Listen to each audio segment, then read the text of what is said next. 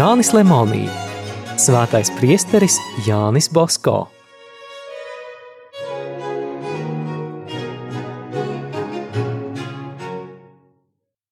Citus akadēmijas audzēkņus priesteris Gvala sūtīja apciemot trūcīgās ģimenes un aiznest tām materiālu pabalstu. Priesterim Bosko patika arī šis žēlsirdības darbs. Tā viņš saskārās ar cilvēces posma citu izpausmi. Viņš atkal secināja, ka vislielākā palīdzība vajadzīga zēniem, jo viņi visbiežāk cieta ne tikai no bada, bet arī no šausmīga ļaunuma. Tai pašā Piemontas galvaspilsētā Dievs savam kalpam parādīja vēl vienu sāpīgu cilvēces brūci. Kādu dienu viņš satikās ar Kotoleņo slavenu slimnieku apustuli. Izskatās, ka tu esi labs priesteris, viņam sacīja svētīgais kanoniķis. Nāc man palīgā, tev darba netrūks. Priesteris noskūpstīja kanoniķim roku un pēc dažām dienām aizgāja uz Valdokas priekšpilsētu, kur atradās milzīga slimnīca.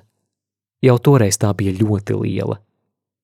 No tālienes virs šīs sāpju un kristīgās mīlestības karaļvalsts durvīm viņš redzēja lieliem burtiem uzrakstītus svētā Pāvila vārdus Caritas Kristi urgetnos. Kristus mīlestība mūs piespiež. Iegājis uzgaidāmajā telpā, viņš nometās ceļos visvētākās jaunavas Marijas svētgleznas priekšā un izlasīja uz sienas citu uzrakstu. Infirbus eram et visitātis mē. Biju slims un jūs mani apmeklējāt. Kanoniķis Kotoleņo viņu ļoti laipni pieņēma, pēc tam abi apstaigāja visas telpas. It visur bija redzama karsta, upur gatava kristīgā mīlestība. Priesteris Bosko redzēja jauniešu sāpīgās mokas, nožēlojot savu pāragro netiklību. Kad viņš gatavojās doties mājās un gribēja atsveicināties no Kotoleņo, kanoniķis satvēra savu viesi aiz rokas, paburzīja pirkstos viņa sutanu un daļēji jokodams, daļēji pravietodams sacīja: Jūsu sutana ir par plānu. Pagatavojiet citu biezāku, lai bērni tajā ieķērušies nespētu to saplēst. Tāds daudzums jūs vēl satriskās lupatās. Sirdis nevar palikt vienaldzīgas pret mīlestību. Jaunieši drīz vien sāka pulcēties ap priesteri Bosko. Priesteris Kafaso, raksta Jānis Mosko, jau pirms vairākiem gadiem bija sācis svētdienās pulcināt mūrnieku mācekļus un mācīt tiem katehismu. Turīnā to bija daudz. Atstātā druva gaidīja nevienu vien darbinieku, bet, diemžēl, priesteris Kafaso jau tā simtiem darbu apkrauts, nespēja turpmāk šos bērnus mācīt. Tad nu viņa vietā nolēmu stāties es. Kā redzams, priesteris Bosko jau bija nolēmis sākt metodisku jaunatnes glābšanas darbu un gaidīja tikai dieva nolemto brīdi. Dedzīgi lūdzies, viņš aizgāja par savu nodomu pastāstīt arhibīskapam.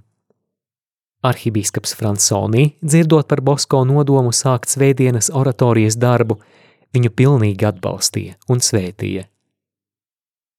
Tad priesteris Bosko domāja, kā šo tik sen nodomāto un karsti ilgoto darbu sākt. Kāds nejaušs, niecīgs atgadījums pavēra ceļu lielajam pasākumam. Atmiņās lasām – Svinīgajos un skaistajos visvētākās jaunavas Marijas bezvainīgās ieņemšanas svētkos 1841. gada 8. decembra rītā biju svētā Asīzes Franciska baznīcas sakristējā un gatavojos celebrēt svēto misi. Sakristiāns ieraudzījis kaktā kādu nedrošu zēnu, aicināja viņu, lai tas ietu man piekalpot. Es neprotu, zēns kautrīgi atteica. Ej, tev jāprot! Neprotu, nekad neesmu piekalpojis. Skat kāds lopiņš dusmojās sakristiāns, neprot misē piekalpot, bet vēl kas sakristējā. Kur man tas koks? Viņš sāka zēnu sist. Nabaciņš gatavojās bēgt. Es uzsaucu. Ko tu dari? Kas tev deva tiesības tā sist nevainīgu bērnu? Ko tad vēl kas sakristējā, ja neprot piekalpot misē? Un viņš grāba zēnu aiz apkakles – Klausieties, sakristiāni, jūsu rīcība ir nekristīga un negodīga. Bet kāpēc jūs uztraucaties? Kāda jums daļa? Ļoti liela. Šis zēns ir mans draugs. Tūliņ atved viņu pie manis. Man ar viņu jārunā. Nu, ir gan draugi. Dieva mīlestība, murmināja sakristiāns, iziedams no sakristējas. Zēns jau bija aizskrējis labu gabalu. Klaidoni! Ej, klaidoni! Viņš uzsauca. Nāc šurp, vairs nesitīšu, priesteris tevi sauc! Zēns atnāca drebēdams un raudādams. Es viņu mīļi uzrunāju. Vai misē bija? Vēl ne. Tad iesim. Tu piedalīsies misē, kuru es celebrēšu. Un pēc tam atkal ienāc. Es tev gribu ko pasakīt. Tu priecāsies. Viņš apsolīja. Pagaidīju, kamēr nabadzīgs nomierinās un salīkst mieru ar sakristiānu. Beidzis celebrēt misi un pateicies, aizvedu savu draugu uz telpu, kas atradās blakus sakristējai. Viņš bija nomierinājies un, kā redzams, vairs no nūjas nebijās. Sāku zēnu iztaujāt. Kā tevi puisīt sauc? Bartolomejs Garello. No kurienes tu esi? No Astī. Vai tēvs tev vēl dzīvs? Nē, jau miris. Māte, arī māmiņa ir mirusi. Cik tev gadu? 16. Vai tu proti lasīt un rakstīt? Neko neprotu. Vai pirmo svēto komuniju esi pieņēmis? Nē. Vai pie grēksūdzes esi bijis? Jā, kad biju vēl pavisam mazs. Nu, un tagad vai mācies katehismu? Nē, nedrīkstu. Kāpēc nedrīksti? Tādēļ, ka par mani daudz jaunāki prot vairāk, bet es tāds liels neko neprotu. Bet, ja nu es tevi vienu pašu mācītu, vai tu nāktu? Ļoti labprāt. Vai tu gribētu tepat šajā istabiņā? Gribētu, ja mani nesistu.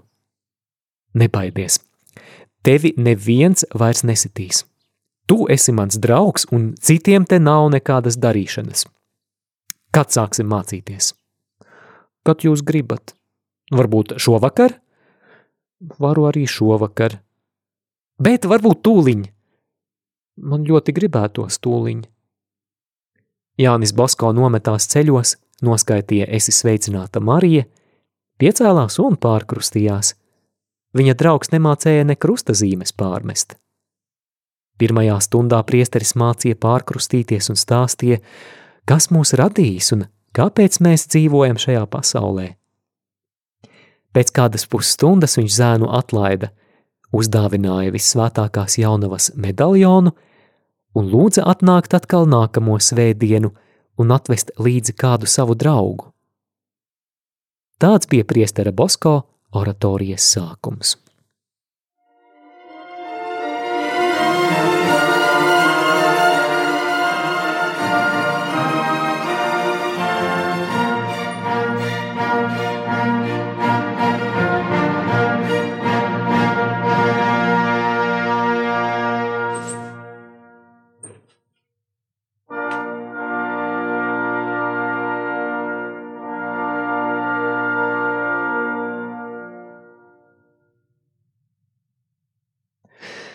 Savās atmiņās viņš min, ka oratorijas darbs tika iesākts 1841. gadā ar pavisam vienkāršu katehisma stundu Svētā Asīzes Franciska pasnīcas zakristējā.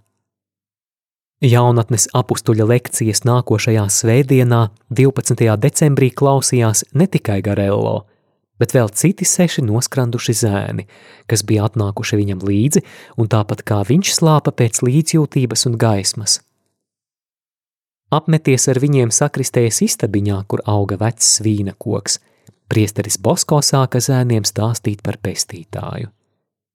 Ritēja nedēļa pēc nedēļas, zēnu skaits ar vien pieauga.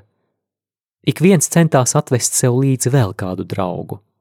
Ziemā Bosko sāka īpaši rūpēties par lielākajiem puišiem, no kuriem gandrīz neviens nebija vietējais, bet atbraucēji no Biello un Milānas provincēm – kas šeit ieradušies strādāt mūrnieku darbus. Lai tie nebūtu kā ganāmpulks bez gana, uzmanīgais audzinātājs jau no paša sākuma pieņēma viņu vidū dažus turīniešus, labu vecāku bērnus, lai tie palīdzētu uzturēt kārtību un, ja būtu vajadzīgs, varētu citiem zēniem šo to iemācīt. Sevišķi jau ar savu paraugu viņiem bija jārāda citiem zēniem priekšzīme. Dažiem no šiem labākajiem jaunajiem draugiem tika uzdots mācīt pārējos dziedāt. Jau toreiz priesteris Bosko saprata, ka bez dziesmām un skaistām grāmatām šīs sanāksmes kļūtu kā salti miroņi bez dzīvības, bez labuma.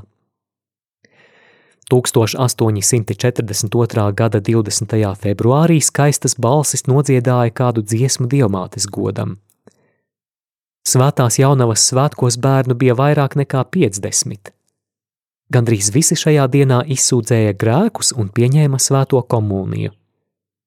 Vakarā bērnu saradās tik daudz, ka tos vairs nevarēja ietilpināt mazajā svētā Asīzes Franciska baznīcas sakristējā – Priesteris Bosko tos aizveda uz svētā Bartolomeja kapelas sānu telpu. Pēc dažām nedēļām sanāca jau simts bērnu. Svētdienas oratorijas kārtība jau no paša sākuma bija saudabīga. Svētku dienās un svētdienās no rīta katrs, kas vēlējās, varēja izsūdzēt grēkus un pieņemt komuniju. Pēc pusdienām priesteris Bosko teica īsu sprediķi, padziedāja kādu dziesmiņu un iesāka katehisma lekciju. Ticības patiesības Bosko skaidroja stāstot interesantus piemērus no dzīves. Pēc lekcijas priesteris Bosko visiem izdalīja, ja vien viņam bija pa kādai dāvaniņai, un atļāva parotaļāties. Katra mēneša pirmajā svētdienā visi gāja pie grēksūdzes un pieņēma svēto komuniju. Šos dievkalpojumus priesteris Bosko sauca par gatavošanos laimīgai nāvei. Šajā dienā priesteris sacīja skaistu, piemērotu mācību. Kad pats Jānis Bosko vēl nevarēja uzklausīt grēksūdzes, viņu aizstāja priesteris Kafaso un pats kanoniķis Gvala. Šīs bērnu sanāksmes abiem ļoti patika. Bieži vien viens vai otrs parūpējās par medaljoniem, gardumiem un pat drēbēm, lai priesterim Bosko būtu ar ko savu zēnus pacienāt, iepriecināt un vairāk tos varētu iesaistīt svētdienas oratorijā. Ja dažreiz priesterim Bosko pašam vajadzēja, kur aiziet, tad akadēmijas profesori viņa vietā gāja mācīt zēniem katehismu un rīkot rotaļas. Tomēr jaunā pasākuma centrā bija pats priesteris Bosko. Kad bija viņš, sapulcējās daudz vairāk bērnu un visi vakarā mājās atgriezās līksmi un apmierināti. Jānis Basko neapmierinājās tikai ar to vien, ka svētdienās mācīja bērniem katehismu. Viņš arī darba dienās tos apmeklēja darbnīcās, kur tie strādāja, bet citiem viņš pats uzmeklēja darbu pie labiem amatniekiem. Zēni viņu tā mīlēja, ka no tālienes ieraudzījuši skrēja pie viņa un trokšņaini to sveicināja.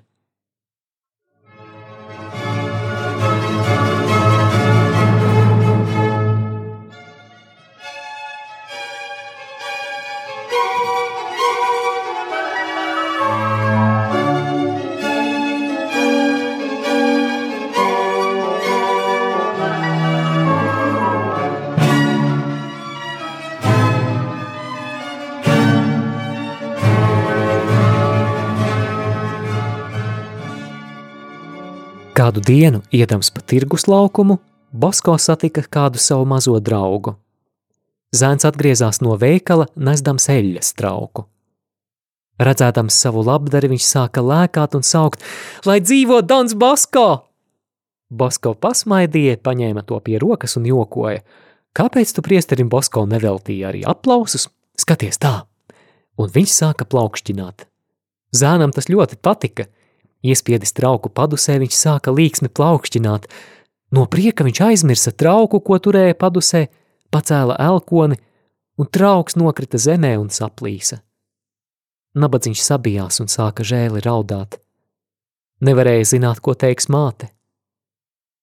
Nebaidies, tā maza bēda, viņu mierināja priesteris Bosko. Iesim reizē, varbūt abus mūs nesitīs. Viņš ieveda zēnu pirmajā pārtikas tirgotavā un paskaidrojis pārdevējai par nelaimi, palūdza tāda paša lieluma pudeli ar eļļu. Pārdevēja to pielēja, nobrīnījās par jaunā priestera labsirdību un pat naudu neņēma. Nemazāk priesteri Bosko mīlēja tie bērni, kurus viņš aicināja palīgā - katehisma un dziesmu mācītāji. Viņi gandrīz visi jau bija vidusskolas skolēni. Atlīdzības vietā priesteris Bosko viņiem paskaidroja grūtākos latīņu valodas gramatikas likumus un pārtulkoja sarežģītākos teikumus. Viņi gāja priesteri Bosko apciemot pat darbdienās, dažreiz pat kopā ar saviem mājiniekiem. Tā piemēram, priestera Bosko svētdienas oratorija izplatījās ārpus Svētā Asīzes Franciska akadēmijas sienām. Daudz laba priesteris Bosko darīja arī cietumos. Tikko nelaimīgie cietumnieki saprata cilvēka vērtību, tikko tie pārliecinājās, ka cilvēks ir prātīga radība un ka tai jādzīvo no sava darba, bet ne no zādzībām un krāpšanas. Viņi savā sirdīs jūta tādu apmierinājumu, ka paši nezināja, kas tiem darāms, bet katrs gribēja kļūt labāks. Vairums sāka labāk uzvesties vēl atrodoties cietumā, bet pēc soda izciešanas visbiežāk apņēmās dzīvot tā, lai vairs nevajadzētu šeit atgriezties. Atcerēsimies, kādas žēlastības priesteris Bosko lūdza no Dieva savā pirmajā misē – Viņa teiktajiem vārdiem tiešām bija piešķirts iedarbīgums. Žēlsirdīgo māsu patversmē Turīnā gatavojās rekolekcijām. Neatrastams cita priestera, priesteris Kafaso uzdeva sacīt mācības Jānim Bosko. Visas mūķenes apbrīnoja jauno sprediķotāju. Sevišķi brīnījās pats priesteris Kafaso, kas viņu bija tur aizsūtījis pavisam nesagatavotu. Visi šie dažādie darbi un rūpes netraucēja Jānim Bosko klausīties akadēmijas profesoru lekcijas. Sevišķi uzmanīgi viņš sekoja morāla teoloģijas kursam. Kā parasts profesoru lekcijas viņš spēja atkārtot gandrīz vai no galvas. Ar to vien vēl viņam nepietika. Studiju zālē apgūto viņš pielāgoja dzīves situācijām – Jāņa Bosko draugi priesteri liecina, ka priestera kafaso zināšanas un gars lietin pārlējās priestera Bosko prātā un sirdī. Tie, kas bijuši pie viņiem abiem grēkus sūdzēt, teica, ka gan viens, gan otrs dažās minūtēs atrisināja vissarežģītākos sirdsapziņas mezglus. Daudz viņa nerunāja, bet katrs viņu vārds esot sasniedzis pašus sirds dziļumus un aizskāris dvēseles visjūtīgākās stīgas. Bosko deva maz padomu, bet kas tos pildīja, tie vairs iepriekšējās kļūdas neatkārtoja. Jūnijā priesteris Kafaso Jāni Bosko aizsūtīja uz Lanco vadīt rekolekcijas, bet no turienes lika braukt tieši uz mājām brīvdienās, jo Bosko patiesībā bija ļoti novārdzis – Priesteris Kafaso un kanoniķis mācīja un uzraudzīja oratorijas bērnus.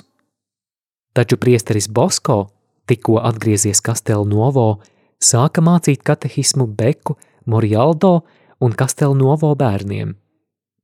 Bez tam, mājās būdams, viņš māca materiālus svētajai un baznīcas vēsturei, ko viņš gatavoja iespiešanai.